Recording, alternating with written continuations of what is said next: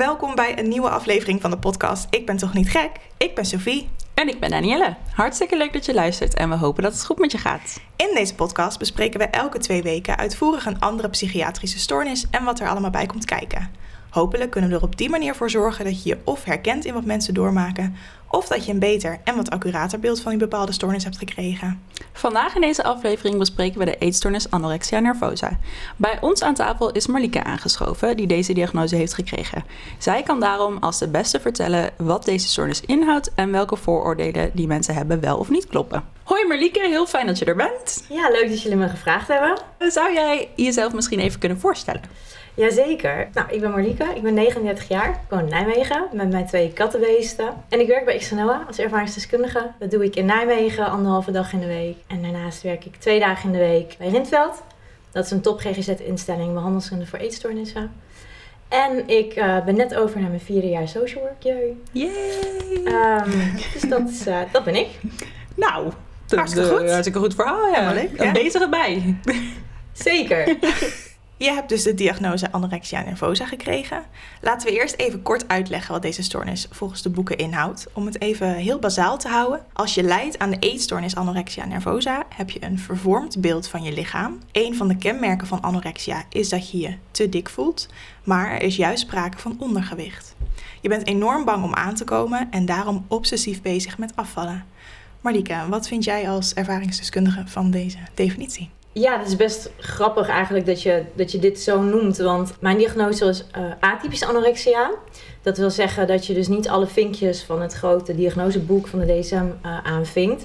En een van de vinkjes die ik niet aanvinkte, uh, was vertekend lichaamsbeeld. Dus in mijn geval wist ik en zag ik dat ik veel te dun werd, veel te mager werd. Maar ik kon gewoon niet meer stoppen met niet eten. Dus als je aan mij vraagt wat ik van deze definitie vind, dan kan ik me daar minder in vinden.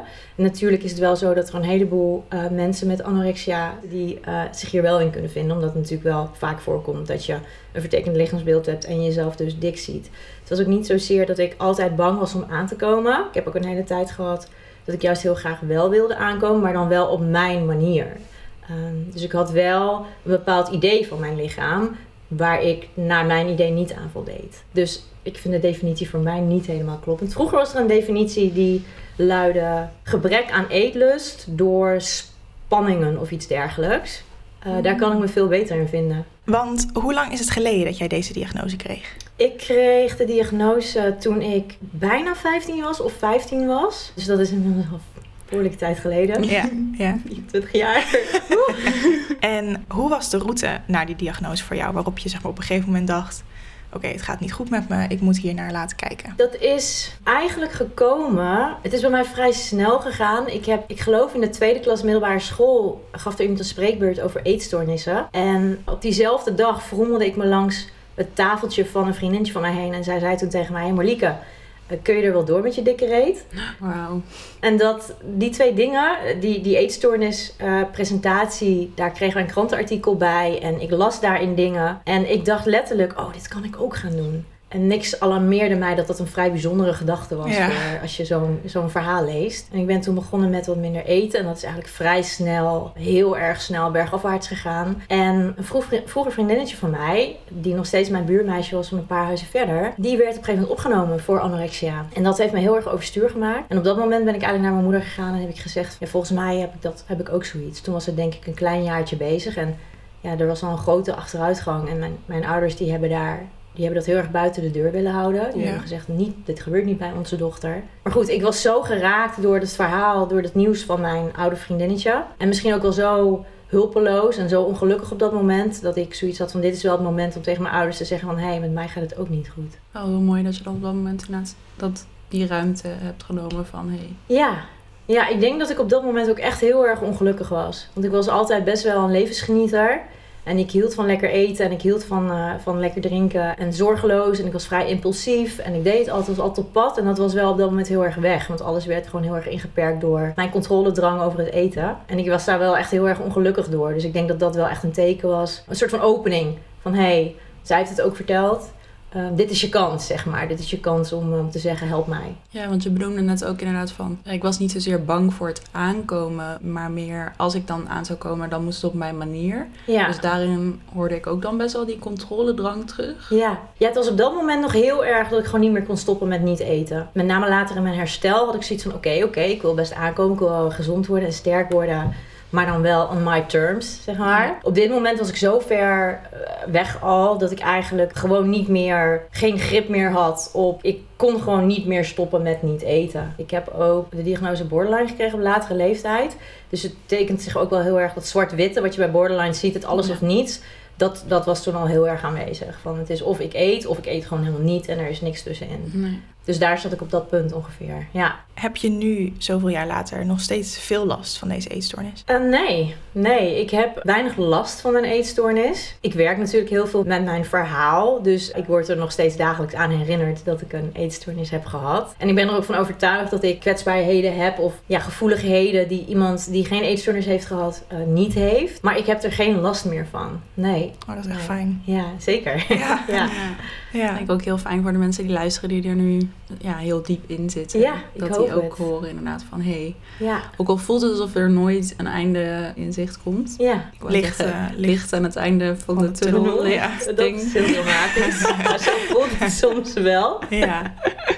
Dat die mensen ook horen van oké, er, is- er is hoop. En er zijn verhalen eh, van mensen die, die er wel echt, eh, Echt vanaf komen. Ja, echt vanaf kunnen komen. En waaraan merkte je toen je inderdaad wel er echt nog heel veel last van had? Waaraan merkte je toen op dagelijkse basis dat je deze stoornis had? Toen ik er nog heel veel last van had. Met name gewoon een gebrek aan energie, een gebrek aan levenslust. Het gevoel hebben dat je niet meer bij mensen hoort of bij de wereld hoort, dat je niet meer mee kan doen. Je hoofd continu vol met eetstoornisgedachten of andere dwangmatige gedachten. Dat, dat verbreden zich in de loop der 16, 17 jaar, zolang ik een eetstoornis heb gehad, verbreden zich dat over verschillende vlakken. Ik voel me gewoon heel erg gevangen in mijn eigen hoofd. En wat ik eerder al aangaf, ik was een heel erg impulsief mens. Ik hield heel erg van om gekke dingen te doen. En dat was weg. Ik had het gevoel dat ik die vrijheid niet meer had. Dus, dus dat was mijn belangrijkste knelpunt in het dagelijks leven. Dat ik het gevoel had dat ik ja, met handen en voeten gebonden zat eigenlijk. Ja. Ja, want heel veel mensen die hebben het idee van oké, het heeft eigenlijk alleen maar invloed op je eten. En gewoon het niet eten, dat is de eetstoornis. Maar wat ik ook herken vanuit mijn eigen ervaring is dat het op heel veel verschillende gebieden eh, terugkomt. Dus ook in je, inderdaad in school, het gebrek aan concentratie. Omdat je eigenlijk alleen maar bezig bent met oké, niet eten, sporten. Wat, als ik wel wat heb gegeten, wat zijn er dan de consequenties van? Het sociale leven inderdaad. Ja, absoluut. merkte, Ja. Want ik herken zelf denk ik ook wel dat ik dan, dat we bijvoorbeeld een keer gingen gourmetten. En dat was superleuk met Sinterklaas of kerst. Mhm. En dat ik dan zei, ja, ik wil best zeg maar daarbij zijn, maar dan eet ik zelf eerst thuis en dan kom ik. Ja. Dan at ik natuurlijk niet thuis, Nee. want dat mocht helemaal niet. Maar dat je jezelf daarin zo beperkt, omdat je, ja, de angst neemt gewoon echt de overhand. Ja, ik zeg ook wel eens tegen mensen dat, dat je pas een idee hebt hoeveel kleur eten aan je sociale leven geeft op het moment dat je een eetstoornis hebt of hebt gehad. Want Ja. ik vertelde dan altijd, dan gingen we bijvoorbeeld naar de Efteling, wat ik dan hartstikke leuk vond met mijn neefje, mijn nichtje, mijn oom en mijn tante. En dan ging iedereen zo'n gesuikerde appel. En dan haalden ze frietjes ergens. En ik liep daar met mijn zakje boterhammen. Die ik dan moest verdelen over de dag. En dan wilde ik ook dat we op tijd naar huis gingen. Zodat ik dan s'avonds thuis weer mijn normale maaltijd kon eten. De hele spontaniteit en gezelligheid van zo'n dag is gewoon verpest. Doordat jij daar met je plastic zakje met boterhammetjes met kaas loopt. En dat beseffen mensen niet als ze denken aan een eetstoornis. Maar je Nee. hele levensvreugde en alles. Tuurlijk is het zo dat je er zelf voor kiest om op dat moment niet te eten. Maar, vooroordeel nummer 1. Ja. het is niet zo dat je niet wil eten. nee. En tuurlijk, als ik ben dus op, op vakantie geweest in, in Londen met mijn moeder. Dat had een prachtige reis kunnen worden, maar dat was het niet. Want ik wilde ook graag bij dat ontbijtbuffet zitten. En ik wilde ook graag s'avonds, als we zo'n theaterbuffet deden, wilde ik ook graag gewoon kunnen eten. Maar ik zat naar die show te kijken en het enige wat ik zag was aardappeltjes, aardappeltjes, aardappeltjes. Vlees, vlees. Oh, lekker sausje. Ik heb die hele voorstelling niet meegekregen. Ja. Dus dat het beïnvloedt de gedachte aan eten, beïnvloedt je hele je leven. En daarnaast inderdaad het feit dat het je, je, ja, je levensvreugde wegneemt. Ook als je lager in je energie komt te zitten als dat het geval is. Want ik weet niet of jij dat ook had, maar bij mij hield de gedachte van iedereen kijkt naar me en iedereen uh, vindt me dik. En als ik dan al het besluit nam, oké, ik ga een boterham eten, want ik ben onderweg, ik zit in de trein, dus ik moet een boterham meenemen en die opeten in de trein. Dan lukt het me gewoon niet, omdat ik dacht, ja, maar dan zit iedereen te kijken van, nou, zou je dat nou wel doen, meid? Een boterham, ja. die heb je niet nodig. En dat idee van inderdaad, ja, maar iedereen vindt me dik. En dat was echt, daar was ik echt ten volste van overtuigd. Ja. En totdat mensen om me heen dan zeiden van... ja, maar Daan, je bent best wel uitgemergeld nu... dus misschien hè, moet je wel wat meer gaan eten. Maar dat kon ik dan echt niet zo zien. Ja. Ja, ik had dat met name met de dingen die ik dan had. Dat ik het idee had dat mensen vonden dat ik rare... En dat was ook zo. Ik had ook rare dingen.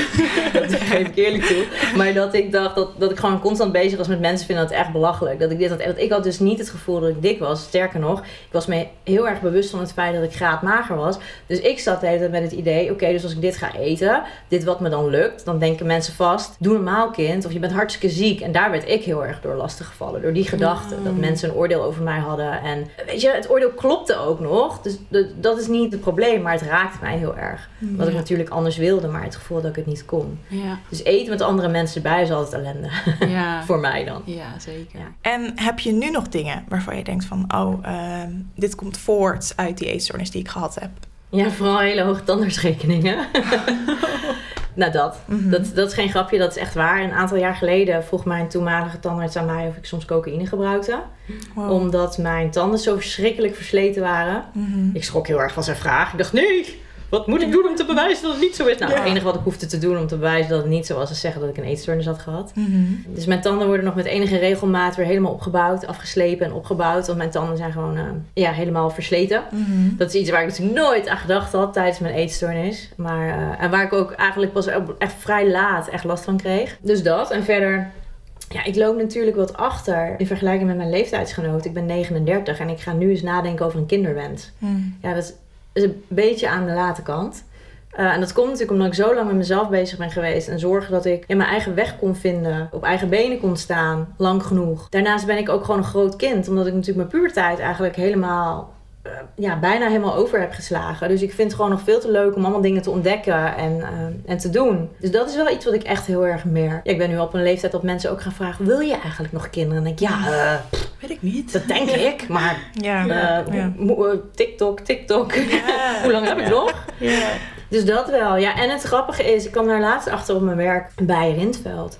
Dat ik dingen opmerk zonder dat ze me iets doen of dat, dat ze iets voor me betekenen, uh, die andere mensen niet eens zien. Zoals we hadden het laatst over met een collegaatje van mij, daar zeiden we van ja, want dan, uh, ja, dan zie je bijvoorbeeld dat je vriend die dag wat minder eet dan jij. Nou, dan denk je, nou, dat kan een keertje, daar heb ik dan geen last meer van, zei ik. En toen zei iemand tegen mij, Oh, maar het valt je dan dus op dat jouw vriend op zo'n dag minder eet dan jij. Toen dacht ik, ah, ja, blijkbaar registreer ik dat. Terwijl andere mensen daar gewoon totaal... En ik bedoel, het doet dan verder niks. Weet je, ik registreer het en mijn dag gaat door. Mhm. Ehm, maar zo zal ik ongetwijfeld meer dingen hebben die ik registreer. Gewoon omdat het in mijn systeem zit. Omdat ik zo lang daarmee bezig ben geweest. Dus dat zijn een beetje de dingen waar ik nu nog, waarvan ik nu nog weet van, oh ja, want hoe lang heb je precies echt anorexia gehad? Ja, mijn eetstoornis heeft vanaf, zijn, vanaf mijn 29 denk ik wat, een beetje wat andere vorm aangenomen. Ik ben ook heel lang, maar dat, dat zie je ook vaker. Bij meiden die in herstel gaan, die ineens bijvoorbeeld heel specifiek gaan eten. Mhm. Ik ben heel lang bezig geweest met een paleo-dieet of met, nou vanuit mijn sport, ja maakt ook niet uit. Hoef je niet uit te leggen. um, en dat is dan toch een manier om een soort van die controle te houden. Dus ik denk dat ik vanaf mijn, nou eigenlijk vanaf dat ik in mijn in behandeling ben gegaan voor mijn borderline. Dat was pas op mijn 31ste. Toen ben ik pas echt ook in herstel gegaan voor mijn eetstoornis. Dus dat, en toen is het ook vrij snel gegaan. Toen denk mm. ik dat ik op mijn 2 33ste wel nou, klaar was ermee. Dus alles bij elkaar, ja, toch zo'n 16, 16 jaar, zoiets. Ja. Ja, ja best, best, ja, best een tijd. Maar ook wel weer mooi om te weten dat ook als het lang duurt, je daar, uh, ja, daar vanaf kan komen. En de kwaliteit van leven toch wel weer heel prettig kan worden. Ja. ja. Marlieke, je benoemde net dat jouw eetstoornis 16 jaar heeft geduurd. En zodra je de diagnose borderline kreeg, dat het eigenlijk binnen 1 tot 2 jaar dat je eigenlijk hersteld was. Wat heeft daarin voor jou dan heel erg geholpen? Ik denk dat wat mij heel erg geholpen heeft. Tijdens mijn eetstoornisbehandelingen, en dat is natuurlijk al lang geleden, werd heel erg gefocust op mijn eetstoornis. En dat was uiteindelijk bleek dat dat een symptoom was van mijn borderline. Nou heb ik uit die eetstoornisbehandeling zeker ook wat gehaald. Want ik heb 10 jaar lang mijn hoofd boven water weten te houden zonder hulp. En ben niet weggezakt in nog een opname. Dus dat is wat die, wat die opnames mij absoluut gebracht hebben. En ook inzicht in mijn eetstoornis. Maar wat mij heel erg geholpen heeft uiteindelijk... is dat ik daar in gesprek raakte met mensen die mij echt begrepen. Die mij hoorden, die daar naar dingen vroegen... die voor mij de kern waren. Het waren helemaal geen leuke gesprekken. Ik weet mijn intakegesprek nog met Tom van de Heuvel van het Radboud. En ik, dacht, ik kwam daar vandaan en ik dacht... nou, die man die, die haalt me helemaal overhoop. Die vraagt allemaal dingen die ik helemaal niet fijn vind, maar die wel gingen om waar het om ging. En ik ben er tijdens die behandeling ook achter gekomen dat, want ik was op dat moment echt heel erg ongelukkig. Ik zei net, ik heb die tien jaar lang mijn hoofd boven water gehouden en ik kon niet meer. Dus ik ben toen opnieuw hulp gaan vragen en toen is de diagnose borderline gekomen. Ik ben me toen heel erg gaan beseffen dat al die dingen die ik deed, die mij zo ongelukkig maakten, en dat was zowel het heel gedisciplineerd omgaan met eten, als het sporten, als het dwangmatig 100 supermarkten afgaan per dag, als mijn planning tot in een minuut specifiek uitzetten per dag. Die dingen die legde ik mezelf allemaal op. Ik was degene die mezelf ongelukkig maakte. En er was niemand in mijn omgeving die aan mij vroeg: Malika, wil je alsjeblieft naar zeven supermarkten om kwark te halen? Dat was mijn eigen regel. En toen ik me dat ging beseffen en dat ook bij moest gaan houden en daarover in gesprek moest gaan, toen heeft me dat heel veel houvast gegeven om eigenlijk stukje bij beetje dat destructieve gedrag, hè, zo noemen ze dat ook bij de DGT, zo de behandeling die ik heb gehad, hielp mij dat heel erg om dat stukje bij beetje af te bouwen en ruimte te creëren om weer contact te maken met het gewone leven. En dat is natuurlijk super lastig, want je hebt al die dingen die gebruik je voor een reden. Dus dat is echt ook geen leuke tijd geweest. Maar het is wel hetgeen dat me geholpen heeft. Het gevoel dat mensen begrepen waar ik zat. En mij meer aanspraken op mijn angst voor het leven dan op mijn angst voor boter. Om, om maar even een mhm. voorbeeld te noemen. En ook dat is voor iedereen weer verschillend. Hè? Want je hoort natuurlijk altijd die, die eeuwige discussie over welk probleem pak je als eerste aan. Is dat de eetstoornis of is dat de onderliggende problematiek? Ja, daar is geen eenduidig antwoord op te geven. Want eten moet je, sowieso. Of je nou die onderliggende problematiek aan gaat pakken of niet. Eten moet je. Dus je kan niet die eetstoornis laten liggen. Je kan niet zeggen, oh we gaan eerst een traumabehandeling doen en later kijken, want dat red je niet. Maar het is wel heel erg helpend om naast die eetstoornis mensen te hebben die doordringen tot je kern, waar het echt om gaat. En je het over de echte, echte angst kunnen hebben met je. Dus dat heeft mij heel erg uh, geholpen dat heeft ervoor gezorgd dat ik best wel snel stappen kon maken uiteindelijk. Ja, ja we hadden het net al inderdaad over uh, voordeel nummer 1 dan. Maar er zijn er natuurlijk nog meer en uh, ook misvattingen. En wij denken zelf dat een grote misvatting is dat mensen waarschijnlijk denken dat het probleem inderdaad gewoon kan worden opgelost als je maar gewoon gaat eten. Maar dat klopt dus echt niet. Nee, mijn ervaring is dat het probleem alleen maar groter wordt zodra je gewoon gaat eten. Mm. Ik, uh, ik zeg altijd, ik vergelijk het een beetje met dat ik heel lang mijn eetstoornis, zeg maar, koekjes kon geven, snackjes. Zo van, oh, zuut maar, je hebt uh, je tussendoortje overgeslagen. Of, oh, stil maar, want je zit nog zoveel kilo onder je streef. Of, nou. En op het moment dat je dus je hele eetlijst gaat eten, je bent in herstel bijvoorbeeld en je, je besluit er echt voor te gaan. En je gaat dus gewoon, tussen aanhalingstekens, eten dat is het moment waarop je geen snackjes meer aan je eetstoornis kan geven. En dat is het moment waarop die eetstoornis natuurlijk vuur en brand begint te schreeuwen. Mhm. En ja, op dat moment kreeg ik er pas echt, echt heel erg last van. Op het moment dat ik gewoon begon te eten en probeerde ja, in herstel te gaan. Dus dat is best wel, dat is een heel vervelend voordeel. Hetzelfde als dat mensen denken dat als je anorexia hebt, dat je dan dus weinig eet. Moet je voorstellen dat je je stinkende best aan het doen bent om te herstellen of wat stapjes te zetten. Die, die gedachte dat mensen dat denken, die teisteren je enorm. Zo van, oh, zij heeft toch anorexia? Waarom eet ze dan drie boterhammen? Nee, ja, als je anorexia hebt, doe je ook echt keihard je best om eruit te komen. Dus ja, dan eet je. En dan eet je niet per se alleen muizenhapjes. Dat kan natuurlijk. Als het niet goed met je gaat, dan, dan is dat het klassieke beeld wat mensen hebben. Maar je hebt ook nog dikke vette anorexia als je in herstel bent en wel die drie of vier boterhammen eet voor de lunch. Dat is ook wel, dat is lastig. En dan denk ik ook, wat heel veel mensen zich niet beseffen, is wat ik heel vaak hoorde uh, als ik dan inderdaad die drie boterhammen at, uh, dat mensen zeiden, nou wat goed, ja. nou, het gaat weer goed ja. hè meid? Ja. uh, wat op mij de, de, de, uitwerking had, dat ik dacht, ja zie je wel, dit is veel te veel. Want waarom juichen mensen dat toe? Of als mensen zeiden, wat zie je er goed uit? Dan dacht ik, I'm ja. fat. Oh, ze bedoelen dat ik dik ben? Ja. ja. ja. Dus nu denk ik, ik bedoel, dik, dun, dat is allemaal neutraal. Maar toen dacht ik, nee, als ik er dus goed uitzie, dat betekent dat ik er te goed uitzie in hun ogen. Dat betekent dat ik dik ben, dus ik moet afvallen. Dus ik moet geen drieboten. Dan ging dat, dat ja, dat gaat een heel circus helemaal mee, mee, aan de haal, inderdaad. En toch is het natuurlijk wel, ik heb het wel eens nagevraagd, omdat ik heel veel daar tegenaan ben gelopen. Van dat je ziet er goed uit, oh het ziet er goed uit. Dat ik dacht van wat bedoel je nu eigenlijk precies? Want ik maak dit ervan, ik heb dat ooit voor therapie moeten doen. Oké, je zit daar van alles bij te bedenken, maar vraag eens na wat iemand nou bedoelt. Mhm. En het antwoord toen was, je ziet er niet meer zo ziekelijk uit. Je hebt weer wat leven in je ogen, je hebt weer wat kleur op je gezicht. Dat was voor mij toen heel erg fijn om te horen. Al besef ik me ook dat er ook een heleboel mensen zijn die juist die identiteit met dat ziekelijke fijn vinden. Dus voor hen Ja. zou dat weer geen bevredigend antwoord zijn. Ja. En voor mij was het op dat moment wel fijn om te horen dat iemand zei, ik bedoel helemaal niet dat je aan bent gekomen of Ja. dik bent. Ook al is dat natuurlijk wel zo, want je bent ook vaak aangekomen. Hè? Dat is ook gewoon een feit. Waar je ook mee moet leren omgaan. Dus je kan dat soort dingen niet allemaal blijven vermijden. Maar wat ik heel fijn vond om te horen was dat, dat er gezegd werd... nee, ik bedoelde alleen, je ziet er minder ziekelijk uit. Dat stelde me een beetje gerust. Ja. Ja, ik denk dat ook wel een mooi voorbeeld is dat uh, Marlieke en ik, die, die werken allebei met X en Noah. Uh, en er wordt ook altijd gezegd van als je iemand een compliment geeft, benoem dan waar je iemand op Ja. complimenteert. Dus als je zegt van, in plaats van hé, hey, wat zie je er goed uit, zeg dan van hé, hey, wat zie je er stralend uit vandaag. Want dat Mm. gaat echt om iemand, uh, iemands voorkomen, zeg maar. Charisma. Ja. een soort van uh, sfeer die om iemand heen hangt. Of van, hé, hey, wat heb je leuke kleren aan? Ja. Of Dat je benoem fleurig iets. Ja, precies. Ja. Wat heb je hier mooi uh, opgemaakt vandaag? Ja. Noem maar iets. Uh, in plaats van inderdaad dat het zo vaag houdt. En ja, inderdaad eigenlijk nooit zeggen van... hé, hey, ben je afgevallen? Ja. Hey, ben je aangekomen? Dat moet eigenlijk overal in de maatschappij. Ik bedoel, waarom... Is het zo'n ding? Ja, waarom Ja. moeten we altijd de neiging om, om, om te benadrukken van... hé, hey, goh, ben je al nog aangekomen? Ben je afgevallen? Wat is daar zo belangrijk aan? Ik heb laatst was er nog iets dat iemand zei uh, over een collega van... Ja, ja, volgens mij is er wat aangekomen. Ja, dan moet ik... Ja, ik zat later nog te denken, ja, misschien moet ik daar wat van zeggen. En toen heb ik ook tegen hem gezegd van... Waarom? Waarom Ja. denk Ja. je van... Oh, ze is aangekomen, ik moet daar iets, Ja. ik moet daar iets mee. Ja. Dan denk ik, oh, ze is aangekomen of ze is afgevallen of ze is gelijk gebleven. It waarom. Nee. Ja. Nee. waarom hebben we met z'n allen het gevoel dat we daar een oordeel over moeten? Dat Ja. we er in ieder geval iets voor moeten zeggen. Van, Ja. want stel dat het uit de hand loopt. Dat is, En, ja, en Ja. waar komt die gedachte vandaan dat het uit de hand loopt? ja, Mm. wat is überhaupt Wat uit, is de hand uit de hand lopen? lopen? Ja, ja.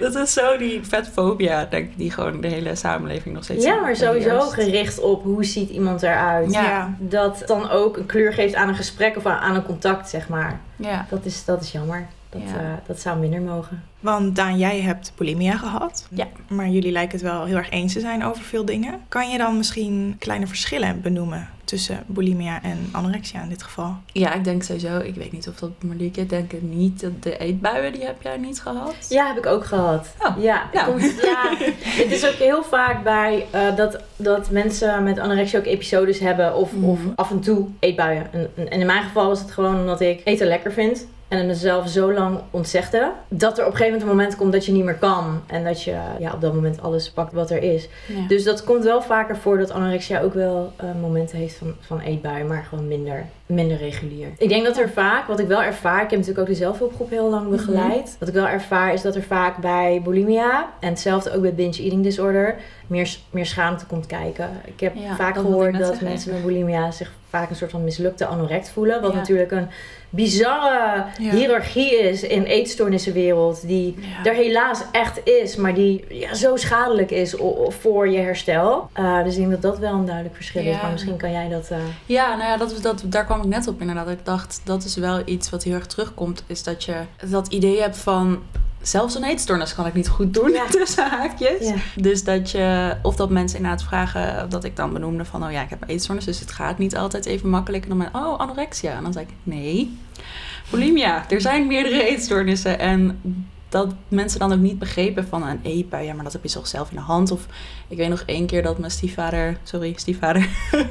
eh, dat ik mezelf, mezelf s'avonds had uitgedaagd om een pizza te eten. En echt al... Ik moest zelf pizza's halen. Dus ik stond echt al een uur in de supermarkt. En ik heb alle pizza's afgelopen. Waar zitten de minste calorieën in? Waar zitten de minste suikers in? Waar zitten de minste vetten in? En toen had ik eindelijk een pizza gevonden waarbij ik dacht... Oké, dit kan ik, dit kan ik aan. En toen na het eten was ik zo overstuur. En had ik zo'n knagend schuldgevoel. En dat mijn v- stiefvader toen zei... Ja, maar waarom heb je die pizza dan gegeten? Ja. En toen dacht ik echt, ja, nou, dit is nog Verkeerde echt opmerking. helemaal niks van. Ja, Ja. en dus dat mag bij mij dat ik gelijk, ja, oké, zie je wel, die vinger moet in de keel en ik moet, Ja. ik moet je compenseren of ik moet nu gaan hardlopen. En gewoon dat pure onbegrip van, ja, als het zo makkelijk zou zijn, maar dat inderdaad, dat herstel is zo'n lang proces. Ja, en Ik- het is ook ja. heel makkelijk voor mensen om iets verkeerd te zeggen natuurlijk. Ik, eh, Ja, het is ook heel moeilijk. Van wat kan je wel zeggen, wat kan je niet zeggen. ja, zeker. Ja, ik merk dat ook als ik aan het werk ben. Eh, met name in de kliniek, dat er heel veel meiden aangeven van... Ja, maar dit moeten ze niet zeggen, want, want dit triggert of dit eh, doet dit met mij of dit doet dat met mij. En dat ik ook wil zeggen, ja, maar wat kunnen mensen dan nog wel zeggen? Moeten Ja. mensen dan op eierschalen gaan lopen? Het zijn ook dingen waar je aan moet wennen in je eetstoornis. Dat mensen Zeker. dingen gaan zeggen, Ja, lompe dingen, dingen die niet doordacht zijn. En eh, dat het aan jou is om, om eh, het aan te geven op het moment dat je dat niet fijn vindt. Hè? Want dat mag. Maar ook sterk genoeg te worden dat je dat van je af kan laten glijden. Ja. Want het gebeurt. Ja. Mensen snappen er geen jota van wat er Nee. nou allemaal precies in jouw hoofd eh, rondgaat. Nee. En En, logisch. ja, precies. En dat komt ook wel overeen met waar, waar we het net over hadden van die vetfobie, zeg maar, in de samenleving. Als je bent aangekomen, dan hebben mensen daar een neiging om daar iets van te zeggen. Ja, En er was ook een keer inderdaad dat ik iemand weer voor het eerst zag, die ik een hele lange tijd niet had gezien. En die zei heel enthousiast ook, zo, wat heb jij een dik hoofd gekregen? Iets in die trant. En toen dat dacht is niet ik, oké. Dat is niet oké. dacht ik ook echt, wat gebeurt me nou? Ja. ja, En nou ja, toen had ik dan wel een beetje uitgelegd, want nou ja, helemaal in tranen en overstuur natuurlijk. Ja, ja. En eh, ja, dat dat niet oké is om te zeggen. En dat ik een eetstoornis had en gehad en nog steeds speelde. En dat hij niet begreep wat dat in godsnaam wel niet teweeg kon brengen. wat het Ja. kan doen met jou. Ja. Ja. En dan worden mensen bijna een beetje defensief van... ja, maar dat had ik toch niet kunnen Dat is maar een weten? grapje.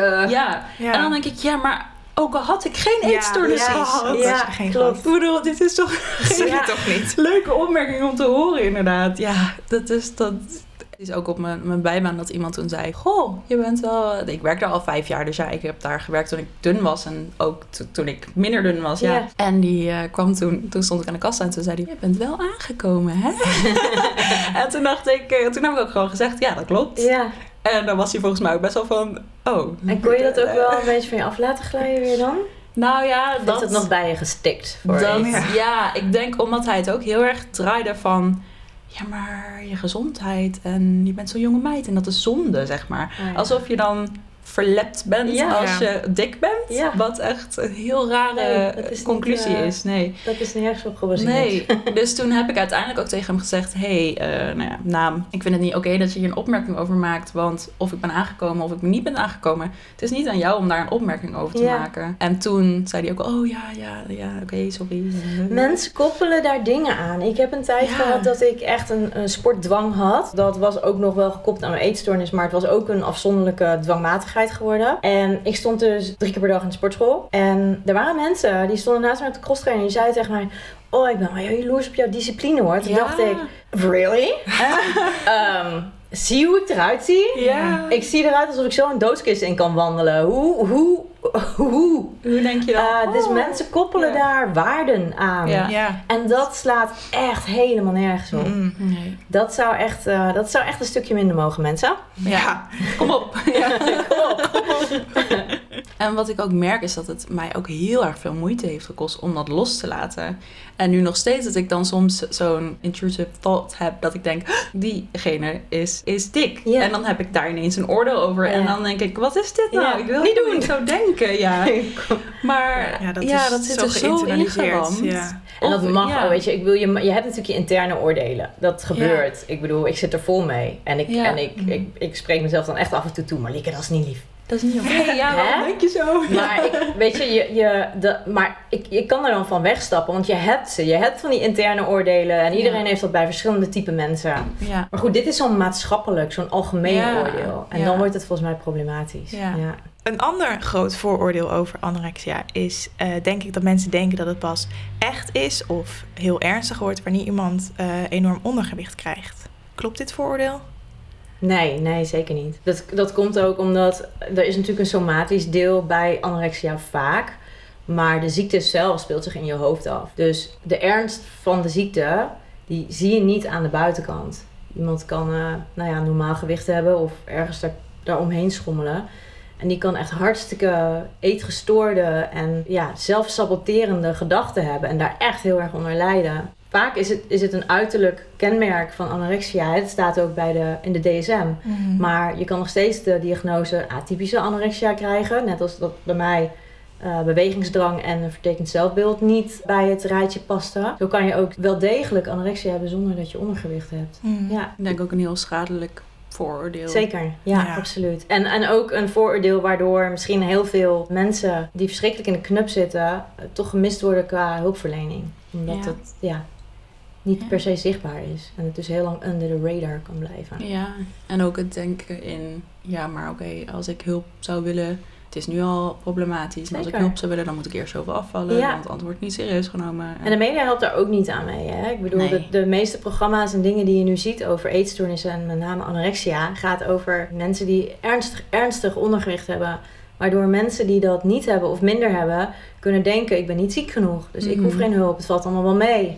En dan gaat het van kwaad tot erger. Hè? Dat hoeft niet uiteindelijk te leiden tot ook ondergewicht, maar dat kan ook tot allerlei andere dingen leiden. Eh, achterstand in school, verlies van vriendschappen. Nou ja, vandaar nog verder. Dus dat Mhm. is wel een echt schadelijk vooroordeel, ja, zeker.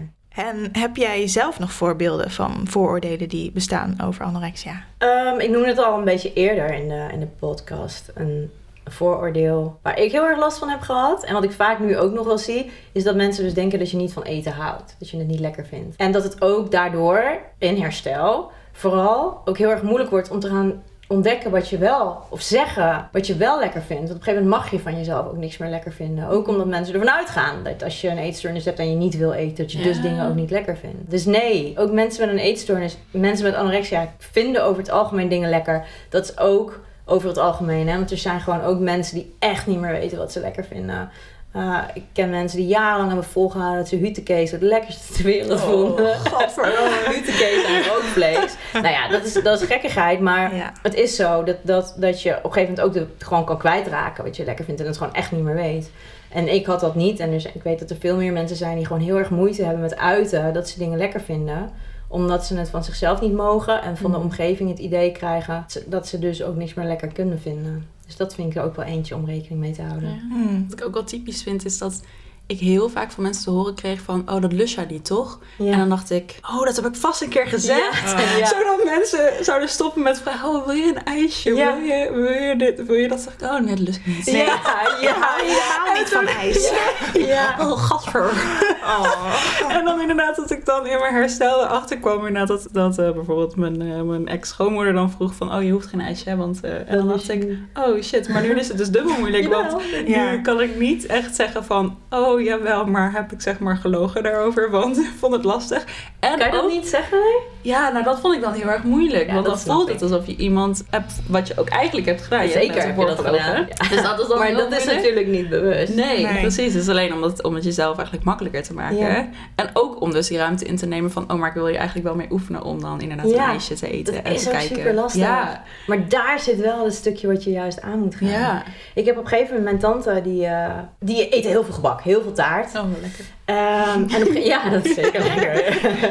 en op een gegeven moment eh, zijn ze gewoon ook opgehouden met dat te vragen. Logisch, want Ja. ik zei honderd keer nee. Ja. En ik heb op een gegeven moment, op een gegeven moment ook als een oefening naar, naar mijn tante toe gegaan en heb gevraagd of zij we- weer wilde gaan vragen of ik ook een stukje taart wilde, zodat ik daarmee kon gaan oefenen. Ja, dat was eh donstorm in mijn hoofd op dat moment. Ja. dat- ja, eetstoornis die gaat echt, die, die denkt, ben jij gek geworden? Maar juist daar zitten wel die stukjes winst die je kan maken. Zeker. Ja, lastig mensen die er zomaar van uitgaan dat je het allemaal niet meer hoeft. Ja. Ja, dat maakt dat het maakt, lastig. ja, dat maakt de drempel dan nog hoger. Ja. Terwijl, ik bedoel, je hebt dat natuurlijk een soort van zelf ingebouwd. dat, zodat Zeker, mensen ja. niet Ja. meer vragen. Je hebt die muur, die drempel zelf opgeworpen, want het is lekker veilig en makkelijk. Ja. Ja, En ja. ik denk ook dat het een stukje is vanuit, ik weet nog heel goed dat het een kerstdiner was en dat er een soort van helemaal apart voor mij was gekookt. Terwijl het echt met twintig mensen waren. was helemaal apart voor mij gekookt, want dat is makkelijker voor Danielle. Want dan hoeft ze ja. niet mee te eten met de Ja. rest. En daar zit geen boter in, dus dan kan. Danielle dat wel. En oh ja, ik weet nog heel goed dat er achter mijn rug om zo was, was gezegd...